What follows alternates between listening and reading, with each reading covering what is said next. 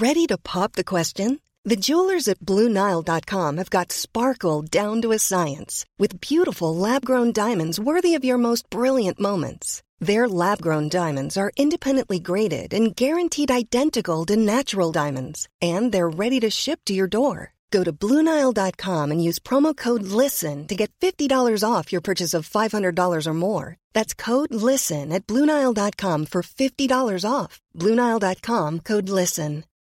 Millions of people have lost weight with personalized plans from Noom, like Evan, who can't stand salads and still lost 50 pounds. Salads, generally, for most people, are the easy button, right? For me, that wasn't an option.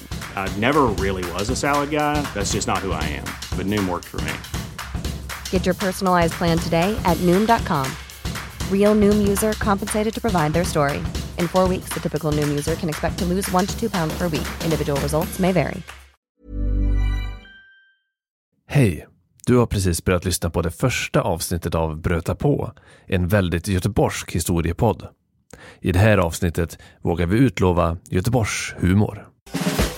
Bröta på alle man Alle man bröta på Sluta köta bara Bröta på, bröta på Jaha, Ja, ska vi börja presentera oss här Ina Lundström? det är väl superrimligt Christian Wedel. Ja. Då är det ju så att eh, jag heter Christian Wedel och eh, jag är redaktör på Göteborgs-Posten och jag har skrivit om Göteborg och om Göteborgs historia och en del om Göteborgs humor i ungefär 30 år. Ja, ungefär lika länge som jag har levt plus fem år har du gjort det. Medans, eh, och, men jag har eh, inte slösat bort de åren minsann, för de åren har jag ägnat åt att marineras av Göteborg på alla möjliga Ja, det, vis. låter, det låter fantastiskt. Innebär, innebär det här att du, eh, att du är från Göteborg i grund och botten? I grund och botten ifrån Göteborg, absolut. Eh, bott här hela mitt liv utom några år när mina föräldrar tvingade mig att bo i Sydostasien. Eh, mångas dröm, min förbannelse. Sen dess har jag inte lämnat den här stan faktiskt. Ja men det är imponerande. Ja, nej, jag har bott i Göteborg sedan fem års ålder men jag har mina rötter här i alla fall så jag räknar mig som göteborgare. Vi ska ju försöka reda ut här, vi ska prata Göteborg ur alla möjliga tänkbara perspektiv här i den här podden. Vi kommer inte få ont om perspektiv, det kan vi säga redan nu. Det finns det gott om och det fina är att det verkar som att vi har olika åsikter om i princip allting som man kan föreställa sig är göteborgskt. Vi är inte ens överens om vad som är göteborgskt. Nej. Det är det allra bästa. Och tem- Och, och blir, det riktigt, blir det riktigt illa så kommer jag ju ändå hävda min födslorätt. Ja, det kan, du, det, det kan du göra. Jag ligger illa till. Eh, på eh, Wikipedia har det rapporterats att jag är från Lidingö och det värsta är att jag har ingenting att invända mot detta. Så ligger det till. Okej, ja. Ja, Det är illa nog. Transparens. Ja, vi körde med den totala transparensen här. I alla händelser, temat för dagens samtal, det första, det är ju helt enkelt, det, vi går direkt på det hetaste vi kan tänka oss, på Göteborgshumorn. Finns det någon Göteborgshumor och framförallt när blev göteborgaren rolig och hur nära kan vi komma ett svar på den här frågan? När? Ja, det är ju oerhört spännande för man börjar ju direkt med olika frågor. Alltså, du och jag vet ju detta såklart, även om vi är oense om mycket så kan vi ju i alla fall konstatera att vi är rent objektivt sett roligare än resten utav befolkningen. Men om det sitter någon där ute nu och tänker nej, göteborgare är inte roliga, hur ska vi då kunna övertyga dem? Ja, vi får vara roliga helt enkelt. Ja, Men det finns ju också något, jag tänkte mig att Har eh, du ingen forskning? Vi har, vi har ju något gemensamt och det är att vi ibland är ute och träffar publik. Eh, Du är ståuppkomiker och träffar Emellanåt, mycket ja. publik. Mm. Eh, Jag, är, eh, jag är ute och berättar om Göteborgs historia och eh, jag är också musikant så jag är ute mycket. Och då antar jag Ina att du har gjort samma observation som jag nämligen att när man eh, träffar publik så är den här gimmicken att vara göteborgare och rolig, den är ganska behändig. Superbehändig. Tänk bara örebroarna, de, ska, Ja. de är gnälliga. Tänk Ja. på Stockholm, de, de är arroganta. Ja, alltså det första en stockholmare måste göra när den äntrar en scen, det är att skjuta ner sig själv. Man kan se det på Henrik Schyffert, det är ganska roligt. Ser man honom i privata sammanhang, då är han en ganska välklädd kille. Ser man när han filmar eh, in en sån stå upp special, då har han någon liksom illasittande t-shirt från Dressman, några tarvliga jeans, han skulle aldrig klä sig så civilt. Men är man stockholmare, då måste man liksom börja med att så här, helst en jutesäck om man ska gå hem ute i stugorna. Det behöver ju inte vi, tack och lov. Vi behöver inte jutesäckar, vi kommer, eh, vi kommer i våra, vara glada kavajer eller i våra vanliga plagg. Men, men eh, det är ju så att står man på en scen så inser man att det här med att vara göteborgare, att förväntas vara lite rolig, att kanske emellanåt om stämningen kräver det, dra en vits. Det kan vara lite prutthurtigt och eh, vi, vi brukar säga att vi göteborgare, vi är småfeta och harmlösa som marsvin. Men det är i alla fall bättre än att eh, tvingas skjuta ner sig själv för att alla tror att man är arrogant. Ja men jag tycker det, jag tycker det. Sen så liksom just på en scen så ser jag i, i princip bara fördelar med att folk både skrattar lite extra mycket åt en och ser ner lite på ens intellektuella förmåga. Det har jag noll problem med. Däremot kan det vara jobbigt i andra sammanhang tycker jag. Typ när man är någonstans uppe i Stockholm och man sitter och kanske är den enda göteborgaren i olika sammanhang. När folk är så här, åh, åh, det... jag har fått höra att jag pratar retro. Det känns ju tråkigt. Det är fantastiskt. Förväntas du vara rolig när du sitter i de här stockholmska sällskapen? Förväntas vara jätterolig och det värsta är att jag lever upp till den förväntningen. Man blir liksom som en gråtande, steppande clown till slut som liksom tuggar fradga och bara spottar ur sig ordvitsar och är såhär, är det det här ni vill ha? Är det det här ni vill ha? Superdeppigt.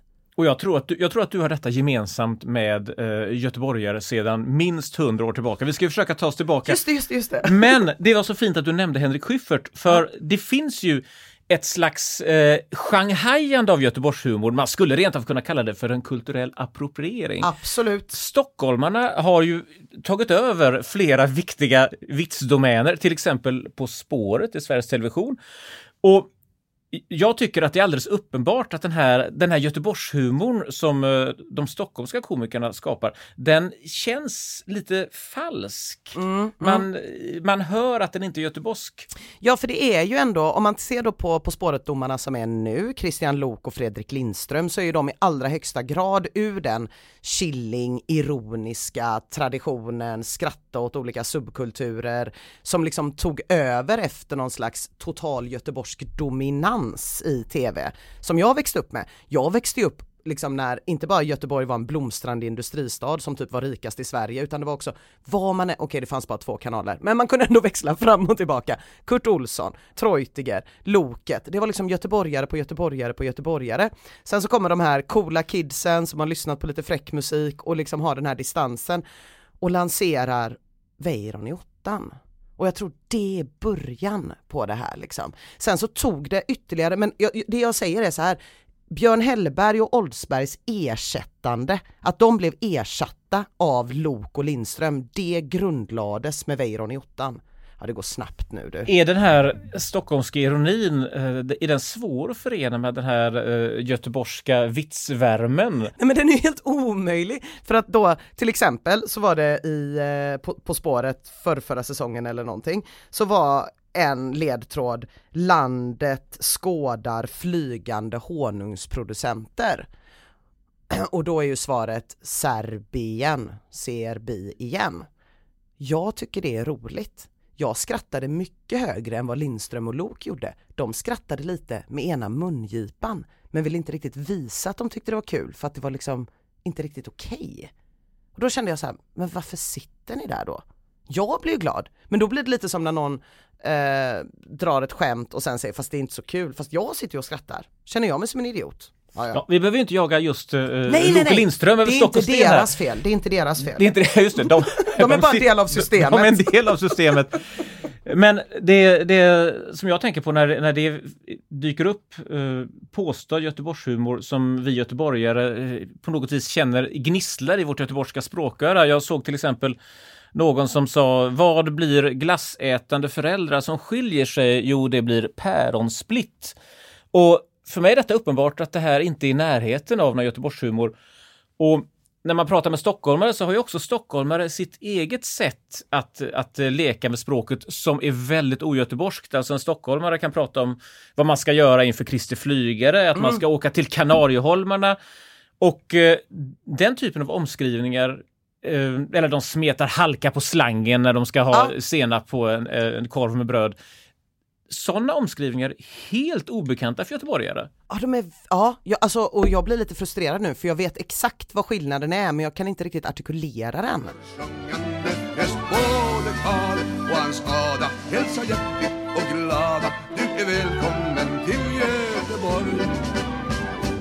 Vi ska ju ta oss tillbaka i tiden här och vi har ju, det går ju inte att ta sig runt Karl och Ada. Nej, det gör det, ju det, inte. är- det är omöjligt. De, de, de är förknippade med de här vitsarna.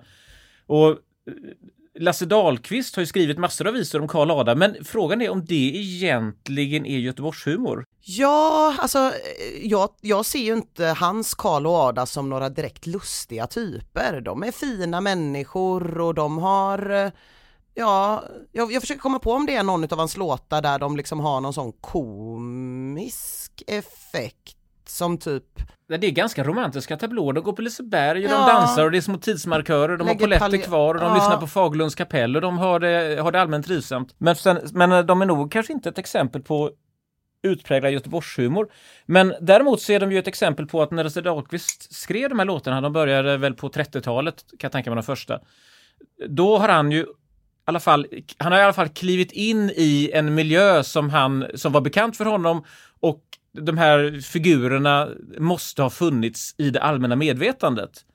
I, eh, Ja. Som monologer Ja, ja, och eh, på scen och sådär. För, för ungefär 25 år sedan så eh, dök det upp en forskare som hade upptäckt att det i Lundby, alltså på Hisingen, Mm. eftersom jag är Hisingsbo så känner jag lite extra varmt för detta.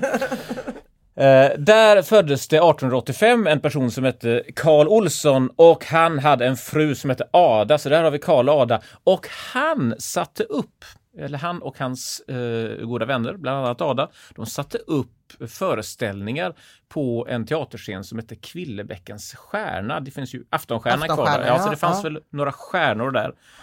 Så han körde monologer och det var ju då ett slags Göteborgsmonologer. Här, här står Karl på scenen, han är rolig, men han var så vitt jag förstår rolig på ett brutalare sätt. Bland annat så var det så här att han han, eh, han hade förlorat två fingrar vid en arbetsplatsolycka i hamnen. Det var ju det Det mest var, ja, göteborgska ja, jag det, har hört i kanske, mitt det, är, det är göteborgskt det, och det är väl kanske inte så roligt, men han drog nytta av detta på scen, Mm. för han hade då eh, eh, emellanåt monologer där han kritiserade eh, politikerna inne vid börsen och så att, sa att, att de är så dåliga så att de som är bra kan man räkna på ena handens och då sträckte han Ah. upp de här tre fingrarna Mm, och då får man en, en praktfull publikeffekt. Så att, Absolut.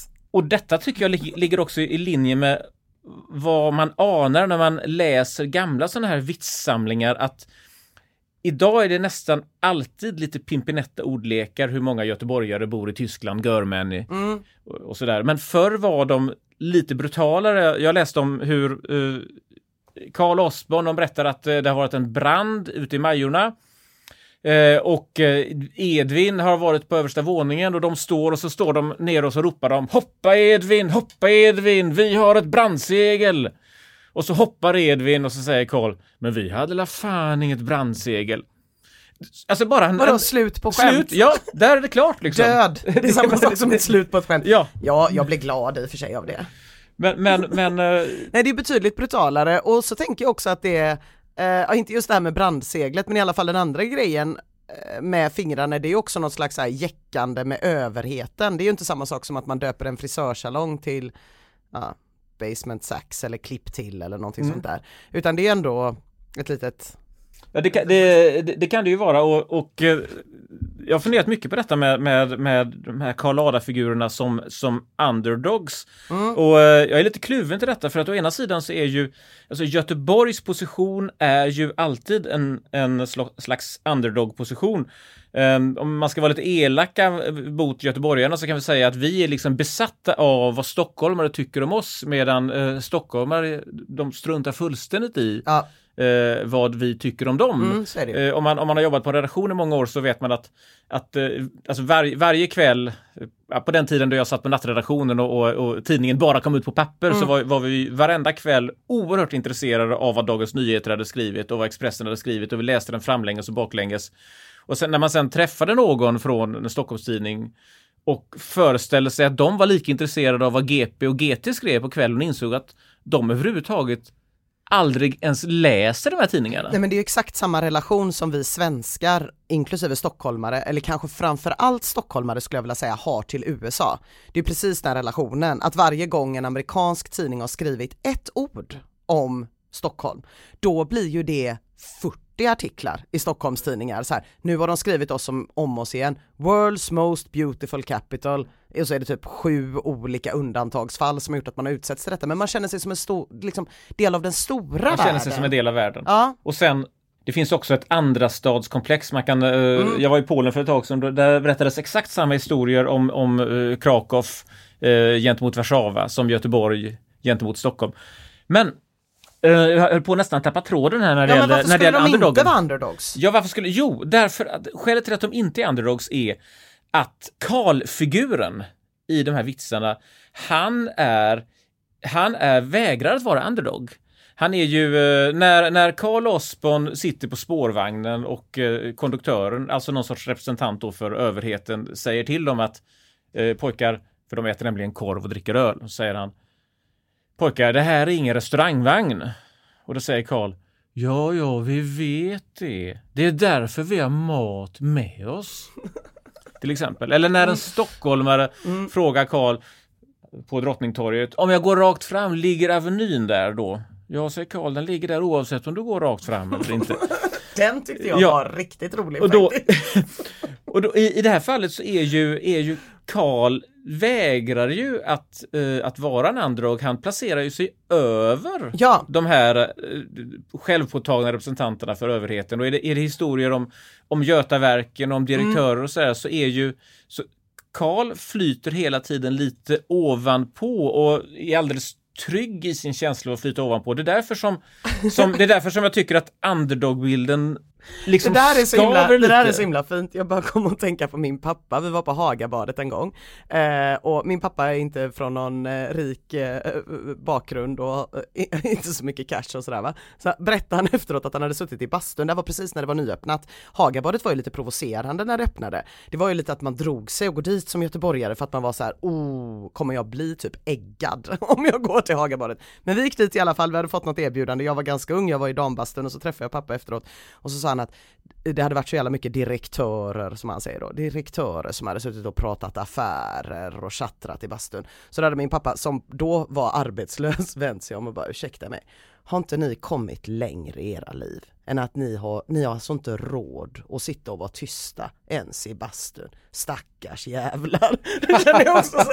Jag bara, fast, det är klart, det går ju att göra en bastu för där har man bara en handduk på sig så det är ingen som ser bristen på kostym.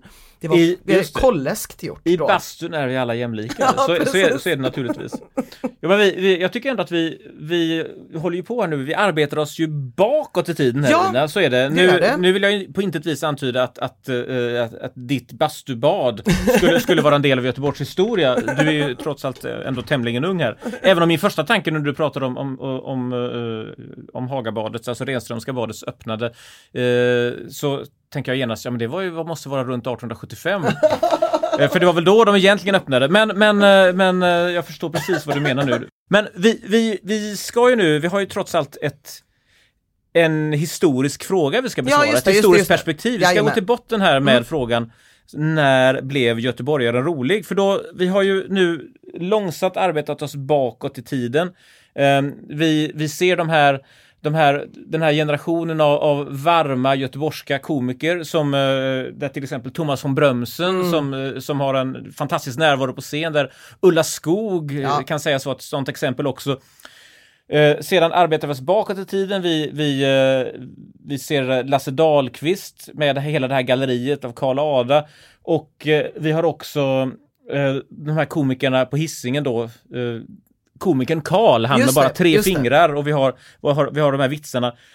Och när man, det finns ett intressant fenomen när det gäller Göteborgs, Göteborgsvitsar och det är att de väldigt ofta utspelar sig i en lite vag göteborgsk guldålder Mm. som definitivt inte är 2019 Nej, och inte heller egentligen 1980 utan jag brukar se det som så att den är lite, någon gång mellan 1915 och 1965. Alltså i de här vitsarna förekommer inga mikrovågsugnar, det förekommer Nej. absolut inga mobiltelefoner. Men däremot så går man på Liseberg, och ingen päronsplitt. Ingen päronsplitt heller. De göteborgska fotbollslagen vinner liksom alltid allsvenskan. Ja, Eh, det. det, och det, det är Gais och ÖIS. Häcken förekommer väldigt sällan. Ja. De, de kommer liksom för sent in i bilden.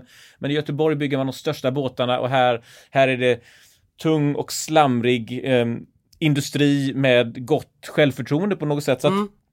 Så vi hamnar ju i en, en, eh, i en miljö som, som man kan säga tar avstamp i ungefär 1915 då ju ändå då Göteborg är på väg att bli den här eh, brötiga, tungt industrislamrande lillebrodern men ändå också den självklara tvåan Ja. i, i, i Sverige.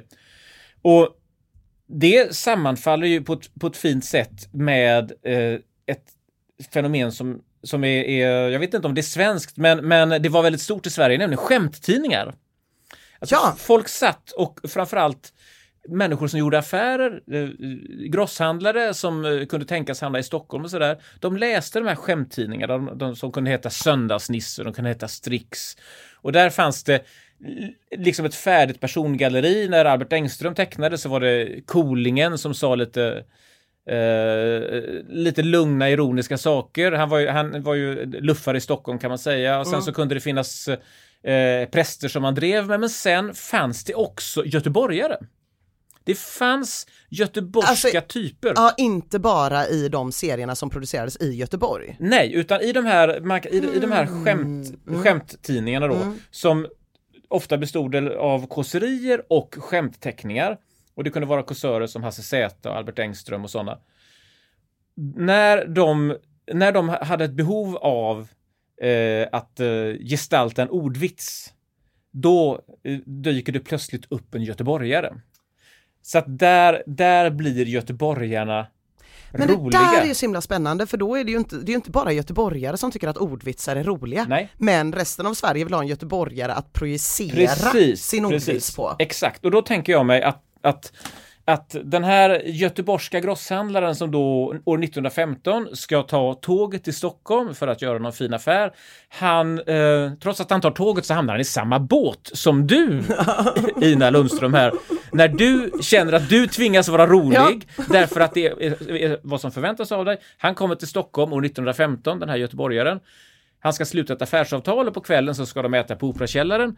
Och han vet att eftersom han är göteborgare så måste han vara rolig. Följaktligen så har han med sig några vitsar. Det blir liksom, det blir självuppfyllande detta. Ah, ja, ja. Alltså jag kan ju också känna lite grann så här att jag tycker att göteborgare är roligare än människor i allmänhet. Jag tycker att om jag är på en middag i Göteborg eller ute och dricker öl med några kompisar i Göteborg, då delar vi på rolighetsansvaret. Då är det en rolighets eh, jämlikhet. Medans i, eh, alltså det, det är en annan ljudvolym att gå in på en krog någon annanstans i landet än vad det är att gå in på en krog i Göteborg. Det är dörnigare, det är skränigare, folk pratar med ett mindre Eh, alltså i Stockholm så upplever jag att människors konversationskonst är väldigt inriktad på att någonstans komma till någonting som betyder någonting. Det kan vara att man diskuterar ett jobb, det kan vara att man diskuterar politik eller det kan vara att man diskuterar sin bostadskarriär för att ta ett väldigt stockholmskt ord. Medan i Göteborg så liksom har vi en högre form av samtalskonst medan jag säger det här så förstår jag hur oerhört patetiskt det här låter för alla som inte är göteborgare och jag ber om ursäkt för att jag är så lokalpatriotisk. Vi kan nog leva med detta, men framförallt så tyckte jag det var så fint att du etablerade det. Det är fullständigt omöjligt att tänka sig en Göteborgsvits som rymmer ordet bostadskarriär. Ja, det denna, eh, denna i detta sammanhang eh, fullständigt aparta glosa. Men jag, tyck, jag tycker nog att, att vi släpper det lite för lätt här därför att när du då känner, när du sitter här i det här sällskapet eh, och din beskrivning av den göteborgska krogmiljön är så väldigt fin eftersom den ju går så perfekt i takt med Sten-Åke Cederhögs gamla text eh, Knöda in fast dörra är Ja, trång, det ja. trängs och det brötas. Ja, ja. Det, det du beskriver är att du trängs och brötas. Ja, ja. Nej Men- men alltså folk, folk, jag har pratat med folk som är rädda för göteborgare, som inte är från Göteborg, som säger så här, när jag kommer till Göteborg, jag blir rädd. Folk är så högljudda. Jag vet inte om folk är arga eller glada, det är bara ett jäv, en jävla volym och folk skränar och dånar.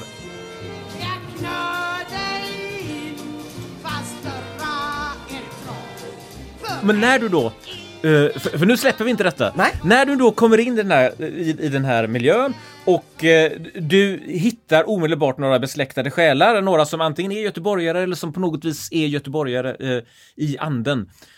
Vad gör ni då när ni är roliga? Hur, för att jag antar att du inte sätter dig och kasplar ur dig ordvitsar. Nej, nej, nej, nej, absolut inte, utan det finns ju absolut ett stråk av tykenhet där. Att man känner att man inte behöver vara vänlig på det sättet. Man är liksom vänlig och välkomnande genom att man är lite tyken mot folk. På det sättet visar man att vi kan vara kompisar kanske. Eh, och sen är det ju, alltså det, det, det är bara ett snack där man hakar i varann lite grann tycker jag. Det är inte att man egentligen säger någonting som på det stora hela är så himla roligt, men det är att konversationen i sig ska göra att man går därifrån lite lättare och lite gladare, kanske inte med större insikter om hur livet funkar egentligen, men att man har haft en god stund. Så jag kan, nej det är inte vitsar, det är inte vitsar, men när någon lyckas få in någonting som funkar i just det specifika sammanhanget, då blir man ju alltid lite imponerad, det blir man ju. Det, du så- nämnde den här tykenheten och, det, och jag tror att det finns ett spännande spår där därför att eh, det finns ju också en, eh, en brittisk tradition och Göteborg kallas ju emellanåt för lilla London. Jajamän. Eh, en, en, en brittisk och säger vi nu också göteborgsk tradition av tykenhet och det handlar ju lite grann om att man när man träffas känner varandra på pulsen, för att se hur mycket, hur mycket, hur mycket tykenhet tål den här personen. Och när man väl har, har brutit den isen och konstaterat att man faktiskt tål ganska mycket, då kan man ha väldigt roligt. Ja, Eh, jag eh, gjorde en gång en intervju med en, en, en ganska känd göteborgare. Jag ska inte säga vem, vem det är nu, men, men, men eh, vi, hälsade på varandra, vi satte oss vid, ett- vid ett lunchbord och han spände blicken i mig och han sa Herregud vad du har blivit fet din jävel, sa han till mig. Och då kände jag att det här är, ehm, ja det var ju naturligtvis sant det han sa, men, men eh, det, var, det var också misstänkte jag ett exempel på att han, vill, han ville på något sätt syna mina kort. ja, Så att, så att då svarade jag, ja, ja, tidningen har ju gått väldigt bra på sistone. ja, Och sen blev det världens bästa intervju. ja, Därför ja. att då blev vi, blev vi vänner på något sätt. ja men så är det jättemycket. Och, det, och det är liksom, jag tror att det här är ett göteborgskt sätt att, eh, att kolla om någon, eh, om någon tål kallt stål egentligen. Ja. Eller varmt stål är det kanske om det snar- snarare handlar om Göteborg. Men vi får inte tappa spåret nu Nej, här. nej, vi, nej. Vi, vi, har ju, vi har arbetat oss tillbaka nästan hundra år. Ja, och då den här känslan som fanns redan då av att behöva leva upp till vitsaren. Leva upp till vitsaren. Mm. Och jag gissar här att både du och eh, de som lyssnar på den här podden, de börjar väl nu få en aning om att jag precis som en eh, gammal tv-kock har någonting förberett i ugnen. Och det har jag! Eh, eh, jag har ett praktfullt fat stående i ugnen, så vi, kommer att, vi kommer att nå ett svar här, eller i alla fall ett förslag till svar. För nu, nu kliver vi alltså in baklänges, vi kliver in i 1800-talet. Ja, Och eh, vi kan med säkerhet säga att under hela 1900-talet har eh, den vitsande göteborgaren varit en etablerad bild. Och det är spännande. Jag visste inte att det var så länge. Jag tänkte liksom att Kollo och Ada, okej okej skitsamma, det ja, hundra får tro år. mig på Vi är på ord, hundra år. Ina Jag, jag tror dig fullständigt. Ja, visst, hundra år snackar 100 vi. år. Dessutom så räcker det ju med 1919 för att vi ska klara 100 år ju. Men jag kan inte uppdatera mi, mitt hundraårsperspektiv bara för att åren går. Nej, det är fruktansvärt. Nej. Det är- åren, man- man och, kan och knappt hundra tro år det. sedan kommer alltid vara 1800-tal någonting. Då skulle jag vilja kliva ut nu här, vidga bilden en liten smula och flytta den till Marstrand. Jaha, mm. Därför att det var nämligen så att på Marstrand samlades eh, Göteborgssocieteten och det gjorde man av ett enda skäl i slutet av 1800-talet och det var att kungen, Oscar II, han sommarsemestrade på Marstrand. Så att hela Marstrand är eh, du sa att du var marinerad av Göteborgshumor. Man kan säga att hela Marstrand var marinerat av Göteborgshumor i slutet av 1800-talet. ja, Verkligen. Eh, Därför att i och med att kungen kom dit så ville eh, alla som tyckte om att sola sig i den kungliga glansen, de vill naturligtvis röra sig där. den Och- tidens influencers. Den tidens influencers. Och det var till och med så att man, man vid ett tillfälle trodde att man hade eh, lyckats hitta en äkta terrorist eller anarkist som det kallades på den tiden. Det var ju på den, var ju på den tiden som, som eh, kungar och tsarer i Europa emellanåt råkade ut för så kallade bombmän, alltså folk som kom, som hade en liten sån där klassisk rund bomb med, med en, en, en, en, en liten stubin som brann och så skulle man kasta den på kungen. Och eh, man hade då hittat en skum figur i Marstrand och eh, eh, en överkommissarie från Göteborg fick spionera på den här mannen och det visade sig sedan att det här var verkar ha varit en tidig typ av paparazzi-fotograf från Tyskland så det var ju Ah. ingen äkta anarkist. Nej. Men det fanns en, en illa dold stolthet över att, över att Sverige plötsligt hade blivit så alleuropeiskt och viktigt att det, att det faktiskt smög omkring skumma typer i Marstrand. Ja, Men nu ska nu vi inte prata vi också just- syfilis. Jag Ja, precis. Nu ska vi inte prata om de skumma typerna, eller kanske var de skumma, men att kungen, han, eh, Oscar II alltså, han hade, kan man säga, ett entourage. Han älskade att vara kung, han älskade när folk fjäskade för honom. Det finns fullständigt bisarra bilder där han ligger ner på rygg medan personal klär på honom strumpor. Oh, Eh, så där hade jag jobbat om Det, jag var det, är enastående. Han, ehm, när, han, när han fiskade med, med eh, väl utvalda eh, vänner eller eh, kan man säga supportrar så var det bara kungen som fick ha krok på, eh, på sin... för att han, Alltså, han var den enda- Hur kan han man ha varit enda- så mycket bättre på att vara kung han förr? var den enda, han var, han, jag menar det var någon som sa att, att Oscar II han såg ut som en kung, det är ingen idé att se ut, det är ingen idé att vara kung om man inte såg ut som Nej, Oscar II. och det är det verkligen inte. Och jag hade så mycket gladligare betalat det apanaget när man känner att det verkligen är någon som kan sin yrkesroll. Nåväl. Och, och runt honom finns dels naturligtvis eh, eh, unga damer som, som då på något vis svärmade runt kungen. Det, det går massor av historier om ent- eventuella oäkta kungliga barn på Marstrand och så. Är det Oscar den andre som man pratar om det här eh, huvudet på Linnégatan Ja, som var där just- för att spionera in i hans lustfyllda Just det. snusklägenhet? Just det, det, det, det, historien gör gällande då att Oscar II ska haft en, en, en älskarinna på, på Linnégatan och att eh, en byggmästare som ogillade detta placerade ut djävulsfigurer som Just sträckte det. lång tunga åt kungen och så. Mm. När man försöker kontrollera den här historien så är det svårt att få ihop den. De här figurerna har inte suttit på ett sätt som gör det rimligt att tänka sig att kungen i den mån han har vistats i den här lägenheten ska ha sett något. Och när det gäller de här, de här eventuella oäkta barnen på Marstrand så var kungen ganska gammal när han kom dit ut. Eh, Så att det- det, förutsätter att han har varit ska säga, ovanligt händig och spänstig och vital för att det egentligen ska gå att, att, att föreställa sig att det varit så mycket rajtan tajtan. Men historierna, de, de finns ju. Men det vi vet med säkerhet är att det fanns en svärm av vitsar runt honom. Och där misstänker jag att folk som ville slå sig fram i karriären också fick lära sig vitsa. Alltså att, att landshövdingen var där och att han, landshövding Lagerbring då, var där och att han vitsade en sak. Men där fanns också framförallt den största vitsaren av dem alla. Och nu börjar vi Oh, nu börjar, nu börjar vi närma oss. Ja, nu märker börjar vi närma oss här. Så är det. Eh, nämligen hovfotografen och den så kallade storvitsiren Aron Jonasson.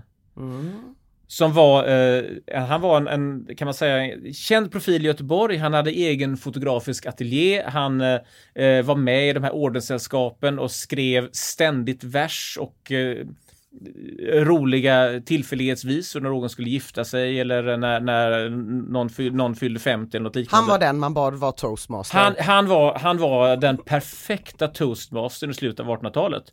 Och han var dessutom en, en ovanligt bra fotograf, så han tog, han, han tog bilder där kungen blev snygg och då blev kungen glad. Ja. Naturligtvis. Mm. Och sen när, när då kungen rörde sig i Marstrand så kunde det ibland vara så här att eh, han var lite arg. Kungen var ju arg över att Norge då ville eh, rycka sig loss från unionen med Sverige. Kungen Mm. var ju kung över både Norge och Sverige Ja, och ville gärna behålla Norge, men norrmännen ville bli självständiga. Så då kunde han, när han då vid ett tillfälle suckade över Stortinget i Oslo och sa att ja men vad, vad uträttar egentligen Stortinget? Så kunde Aron Jonasson stå bredvid och säga, ja ers majestät, stort inget. Ja. Och då, och då är det, det är ju den perfekta vitsen, den är, den är den stryker kungen medhårs Ja. och sådär. Och eh, när eh, den mest klassiska Aron Jonasson-vitsen, det är som återberättad massor av gånger, det, är- det är ju att kungen ska ha sagt Jag har hört att Jonasson är så blixtrande rolig. Han kanske sa blixtrande rolig, eller hur nu kungar pratar. Eh, och då, eh, då säger Jonasson blixtsnabbt Ja, ja, blixtrar den ene så Oskar den andra. Ja, Där, och det är snyggt. Där, där kom, det, det är ju snyggt. Så Ja. är, och är den, är den konstruerad i ögonblicket så, eh, så är den fantastisk. Man kan misstänka att den är lite förberedd. Det finns massor av anteckningar från Jonasson där, man, där han då har klämt på vitsar i, ibland i decennier i förväg. Oj! i Marstrand så, så kan man fortfarande vandra i spåren av de här, av de här vitsarna. Hur eh, kungen står naturligtvis med en enorm kikare på däck och där ibland så tittar de på, på dambadet som de då kallar för Tjoleholm förstås. Ja, just det, just det, just det. Just det. Givetvis. Ja, helt vanligt gluttbeteende. Helt, helt, helt, ett helt vanligt. Det, kan, det, kan, Det här var de- innan metoo för nytillkomna lyssnare. Det här var defini- definitivt före metoo och, de, och det var nog rätt grabbig stämning kan man tänka sig och när du nu ändå tar upp det här med, med, med eh, då Oscar den andres eh, kvinnosyn så eh, även om det inte är säkert att det är kungens fel så måste jag berätta om ett kappseglingsreferat som jag läste om där jag först inte förstod. Det stod nämligen så här, det här var en text från, från eh, tidigt 1900-tal, att eh, i, vid kappseglingarna i Marstrand så, eh, så kunde det hända att kungen och hans krets stod med en strålkastare och ibland så lyste de på de här seglande ekipagen och om de lyste med sin strålkastare på, på det kvinnliga ekipaget så, så ledde ju det här till att de förlorade seglingen. Och detta var helt obegripligt för mig. Varför, varför skulle de här varför skulle kvinnorna som kappseglade förlora seglingen för att kungen lyste på dem en strålkastare? Kan du räkna ut Ina? Eh, lyste han även på manliga? Absolut. Och de åkte inte ut? De åkte inte ut. Okej. Mm, mm, mm, mm, mm, mm. Nej, alltså jag tänkte ju att det blir någon sån, de ska vi ha, men det blir det ju inte då för att männen blev ju också lysta på. Nej, jag kan fan Ja, inte det. det, det, eh, det bisarra svaret är att eh, om kungen lyste på det här kvinnliga ekipaget så måste alla tjejerna ombord släppa allt de hade för händer och hovniga. Eftersom kungen tittade på dem.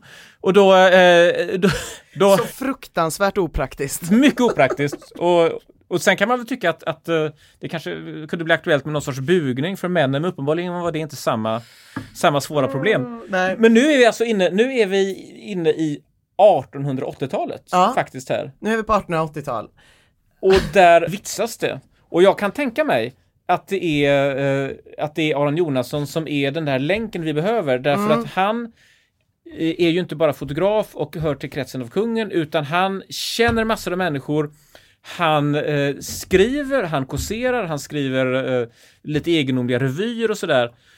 Det är inte svårt att föreställa sig hur hans vägar korsas med de här skämttidningsredaktörernas vägar. Nej, och att de då känner, här har vi den roliga, här har vi en person vi kan, lite förklädd, Ja, och det är kasta rent, in i nästan vilken serietidning Precis, och det är rent av så att han ibland inte ens är förklädd när han förekommer i de här skämttidningarna. Okej, utan man, man kan, eh, ibland är han namngiven och ibland så, eh, så kan man till och med, så kan man se, man kan känna igen honom på det där vita skägget och Ja. sådär. Så, så det kan ju också vara så då att göteborgaren, säger vi, har varit rolig sedan bronsåldern. Men omvärldens bild av göteborgaren som rolig, den är ju Mm. definitivt här alltså. Här, det kan vi nog säga, ja. Ja. Och, och, och man kan säkert också kombinera detta med att alltså, en av de viktigaste skämttidningsredaktörerna var Albert Engström. Mm. Och han, han pluggade ju, eller vad man nu gör, på Valand på, och, på konstskolan. Plugga, Ja. eller vad man nu gör! Ja, och de, de, de, var, var det någon slags förakt för den konstnärliga utbildningen Nej, vid tvärt, tvärt, Valand? tvärtom. Det var ett uttryck för, det var ett uttryck för respekt eftersom, okej. eftersom eh, jag, jag tänker mig att man befinner sig i, i eh, en sorts De högre, högre sfär där på Valand. Att något så, något så, så trivialt som pluggande kan liksom inte vara aktuellt när man man har ändå Carl Larsson som lärare ja, där. ja.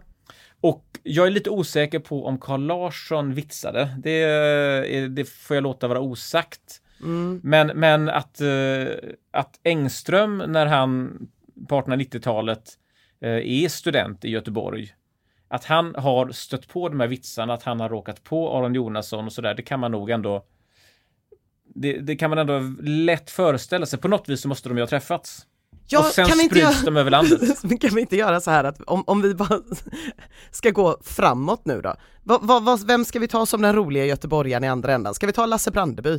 Lasse Brandeby är väl ett jättefint exempel Ja. på, på eh, en göteborgare som är både rolig och har den här, den här värmen, den här göteborgska värmen. Ja, Och det, men jag tycker också att men om eh, vi säger då att eh, Arne Larsson träffar Albert Engström. Arne Larsson Nej förlåt, Arne, Aron, Aron, Jonasson. Aron Jonasson. Arne Larsson är ju reporter på Göteborgs-Posten och skriver om politik. Men, Aron Johansson. Jonasson. Jonasson träffar Albert Engström. Ja. Vem träffar Albert Engström som blir nästa person i hans led mot Kurt Olsson? Ja, alltså Albert Engström kände alla. Han levde fram till ungefär 1940 och eftersom jag är kåsör så, så läser jag ju med förtjusning Albert Engström Eh, även om jag med förfäran läser eh, eh, hans åsikter om till exempel kvinnlig rösträtt 1915 och sådär. Men om vi ska hitta den perfekta länken så jag, jag tror nog att man kan se alltså hela generationen av eh, stora kåsörer i mitten av, av 1900-talet. Till exempel Cello, en stor ordvitsare. Eh, han var från Göteborg men han eh, rekryterades snabbt till Stockholmspressen.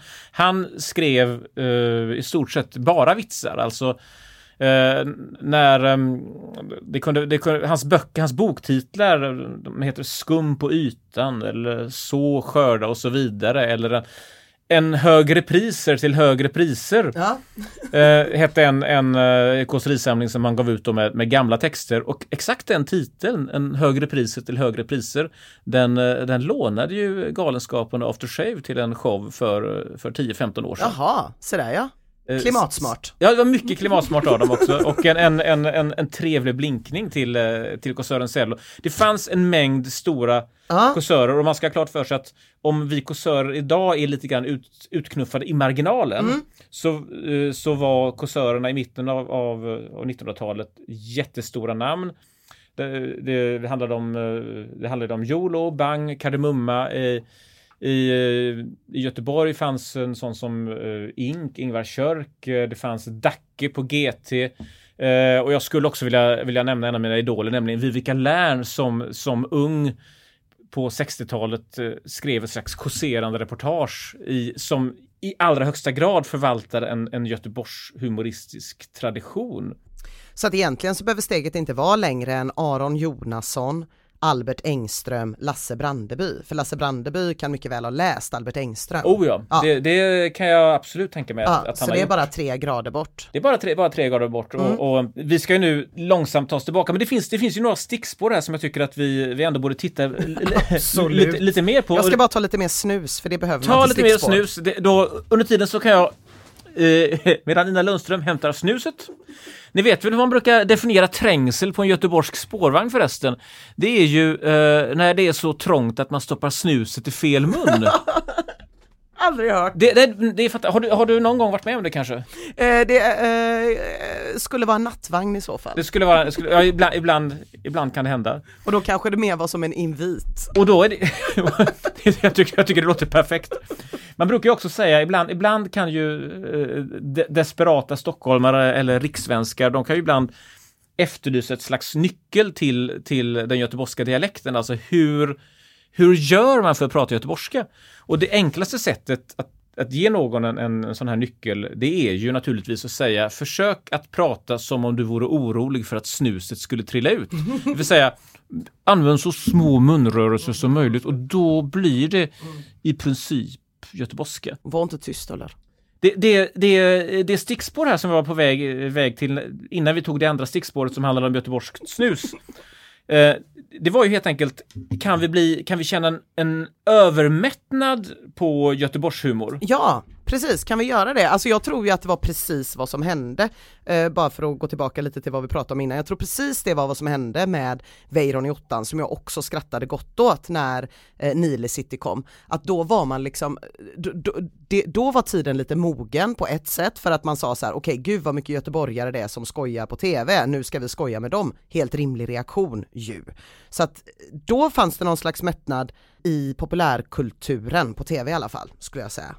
Känner du att det finns en, en, en, eh, en mättnad även när du rör dig så ska säga, utanför de här offentliga miljöerna på scener och eh, tv-program och så?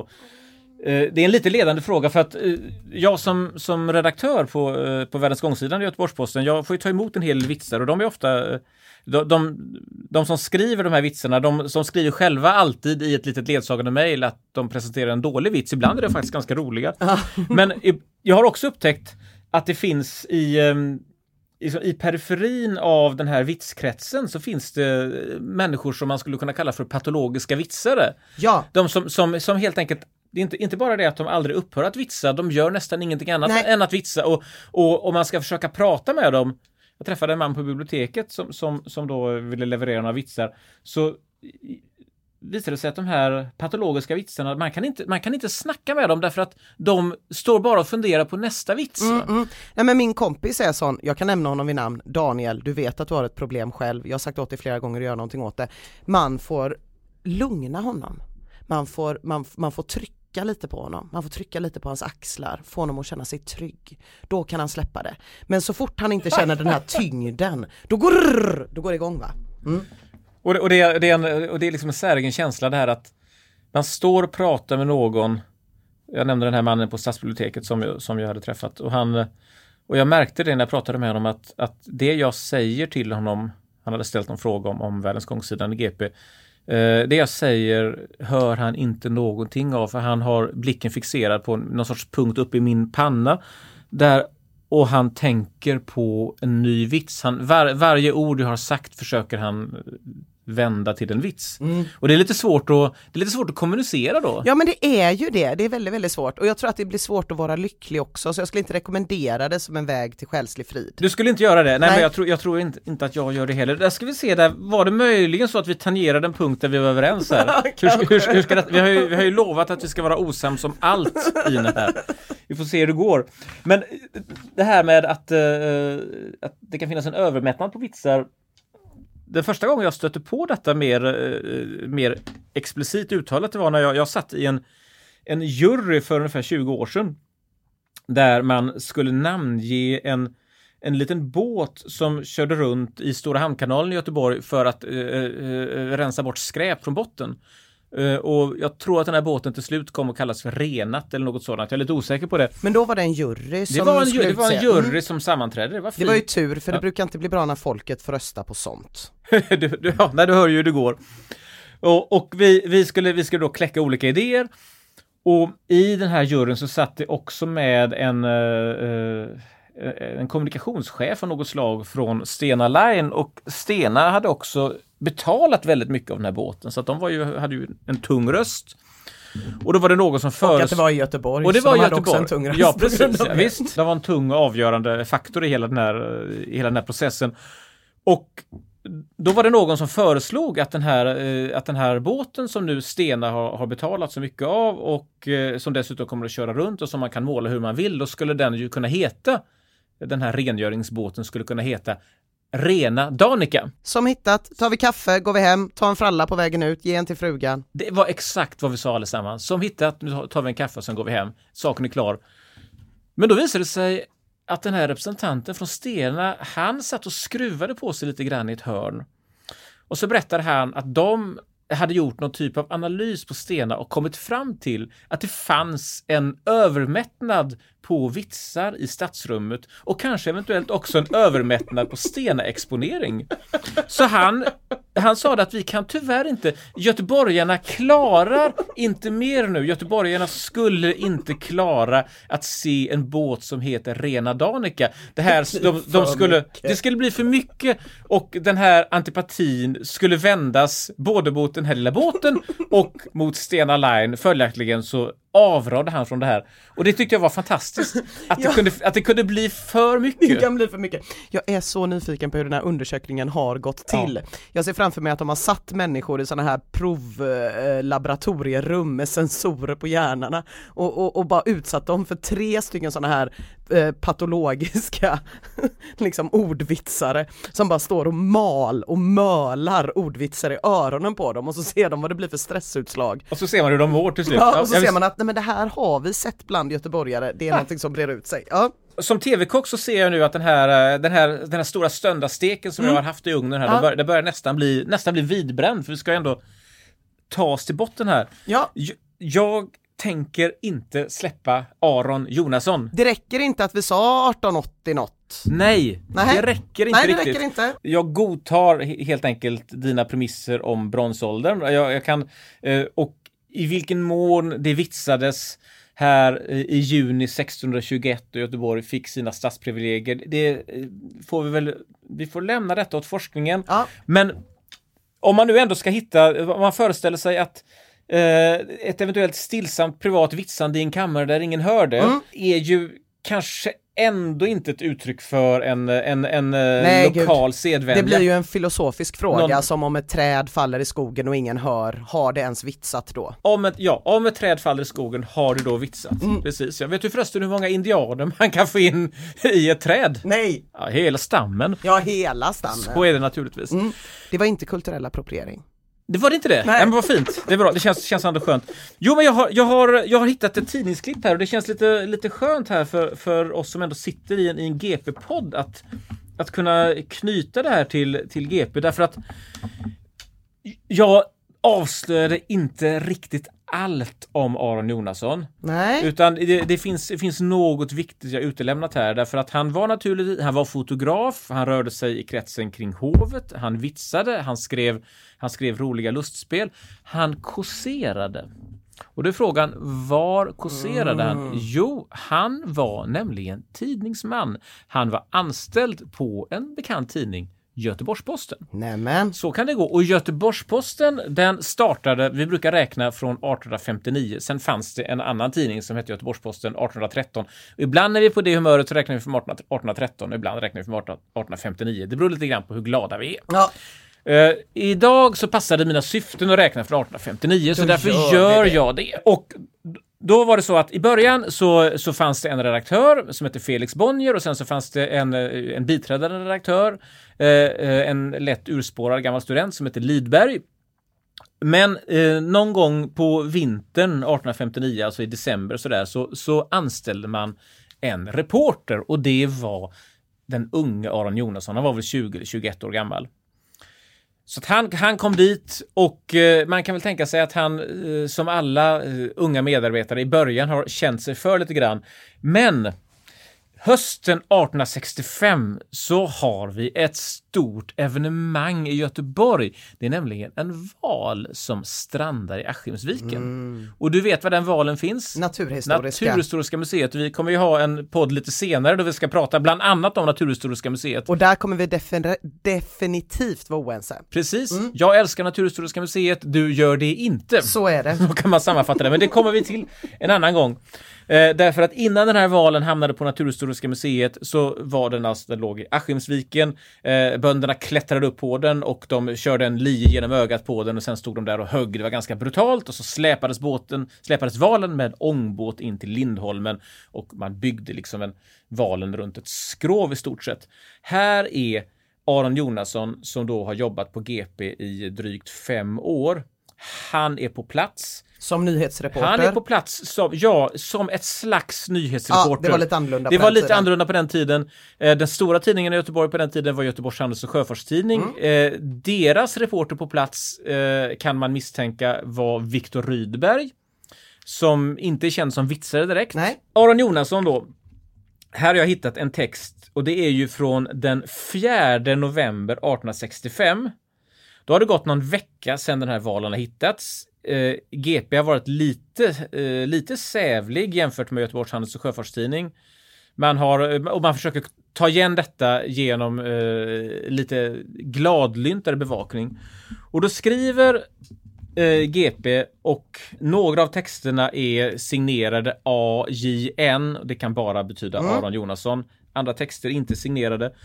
Men här har vi då, och jag läser några rader, nämligen de som handlar om hur illa den här valen luktade när de hade släpat in den till Lindholmen. Ja, den luktar ju fortfarande Ja, illa. ja, mm. Så det kan man ju tänka sig. Precis, de, den, den, den ångar.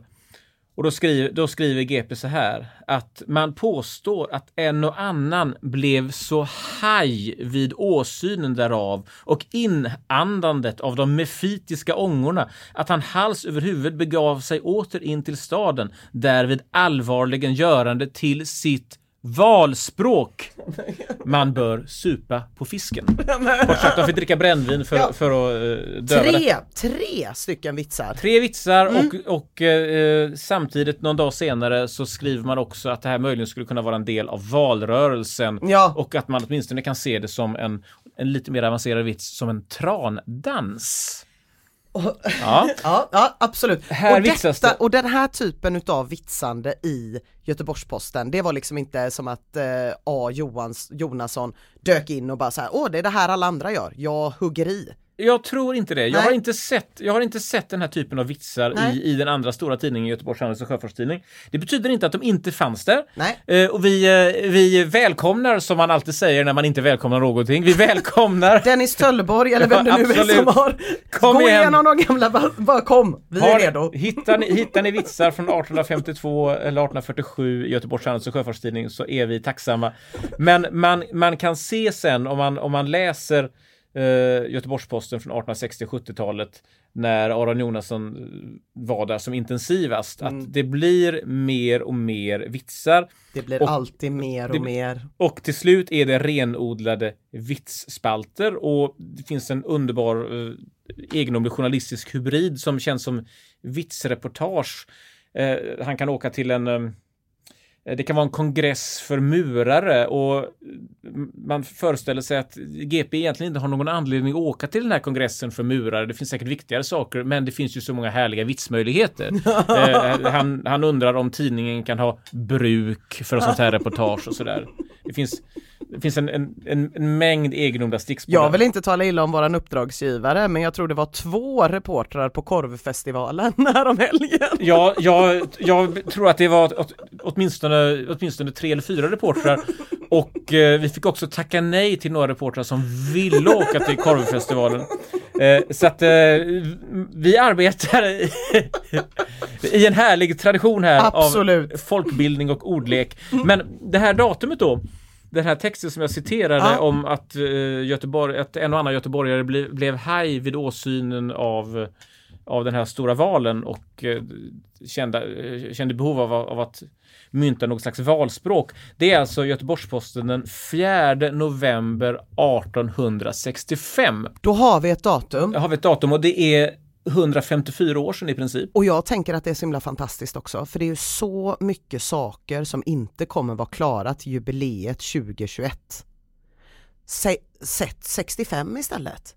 Du menar det? Ja, Att vi, att vi ska omedelbart kontakta Göteborg Company och se om vi kan... Jag tycker det. I, I all händelse har, har vi ett annat jubileum. skit i det jubileet. Det är så mycket som inte kommer hinna bli klart. Plus att jag verkligen vill ha en linbana. Så utred de möjligheterna igen. Tar vi det här ett varv till så får vi ett sånt jubileum som vi fick när vi fick liksom Poseidon och Götaplatsen och Slottsskogsvallen och alltihopa på ett bräde. Det tar vi, fast vi tar det 2065, den fjärde 2065, den 4 november, 2065 den 4 november. 200-årsdagen av, av Göteborgshumorn och eh, det är klart att eh, då kommer jag vara en pigg och händig 94-åring men jag lovar att åka den här linbanan ändå. Det här tycker jag är en fantastisk slutsats. Det här tar vi med oss, Ina Lundström. Det här tar vi absolut med oss och så hörs vi väldigt snart igen. Mycket snart igen. Tack så mycket. Tack.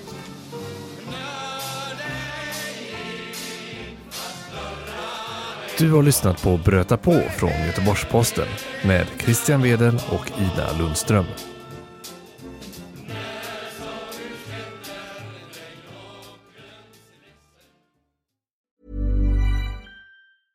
A lot can happen in the next three years. Like a chatbot may be your new best friend.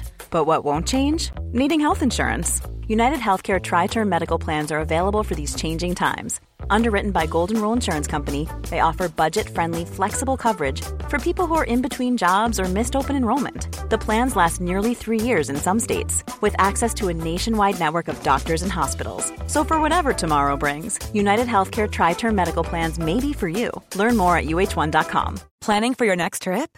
Elevate your travel style with Quince. Quince has all the jet setting essentials you'll want for your next getaway, like European linen, premium luggage options, buttery soft Italian leather bags, and so much more. And is all priced at 50 to 80% less than similar brands. Plus, Quince only works with factories that use safe and ethical manufacturing practices. Pack your bags with high-quality essentials you'll be wearing for vacations to come with Quince. Go to quince.com slash pack for free shipping and 365-day returns.